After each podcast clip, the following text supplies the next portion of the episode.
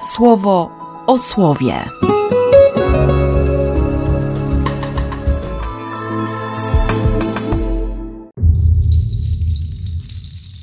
Dwudziesty piąty sierpnia, czwartek. Nieustannie dziękuję Bogu za to, iż przyjęliście Jego łaskawość, którą On objawił nam w Chrystusie Jezusie. W Nim bowiem otrzymaliście prawdziwe bogactwo, czyli Słowo Boże, które w całej pełni prowadzi do osobistej z Nim relacji. Zapamiętajcie sobie, że Bóg, który wezwał Was do społeczności ze swoim Synem Jezusem Chrystusem, naszym Panem, jest wiarygodny, to znaczy godzien zaufania i on bez cienia wątpliwości zrealizuje wszystko, co wcześniej zapowiedział. Gmina chrześcijańska w Koryncie, w tym mieście, które jest, żeby się chciało trochę kolokwialnie powiedzieć, kubłem panoramiksa, tygiel religii, zachowań, grzechu. Tam jest wszystko. I w takie miejsce wszedł Paweł z Ewangelią Chrystusa bo to również jest przestrzeń wybrana przez Boga, bo tam są ludzie, których Bóg chce zbawić. Tam są ci, którzy potrzebują Jego łaskawości, potrzebują Jego miłosierdzia.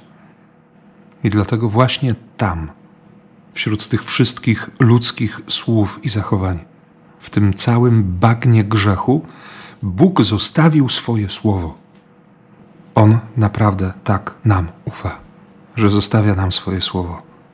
A jeśli przypomnieć sobie scenę narodzenia Jezusa i interpretację ojców Kościoła, no to faktycznie wcielone słowo Boga jest obecne w samym centrum mojego grzechu, mojej nieprawości.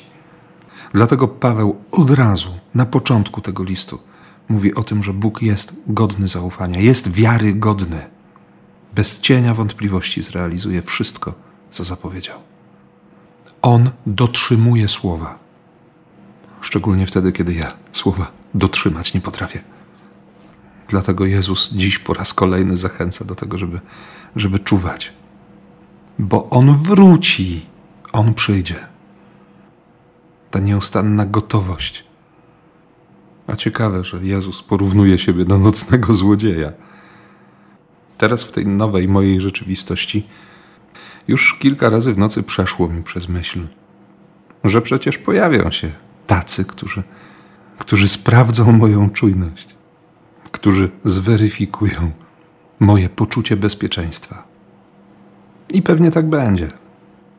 I kolejną myślą, która wtedy przyszła mi do głowy, było pytanie, dlaczego większą wagę przykładam do, do mojego zewnętrznego bezpieczeństwa tutaj w tym domu, a ucieka mi bezpieczeństwo mojej duszy, mojego serca.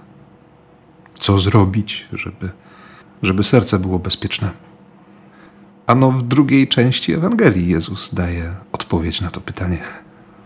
Być roztropnym i wiernym. Być roztropnym, by dochować wierności.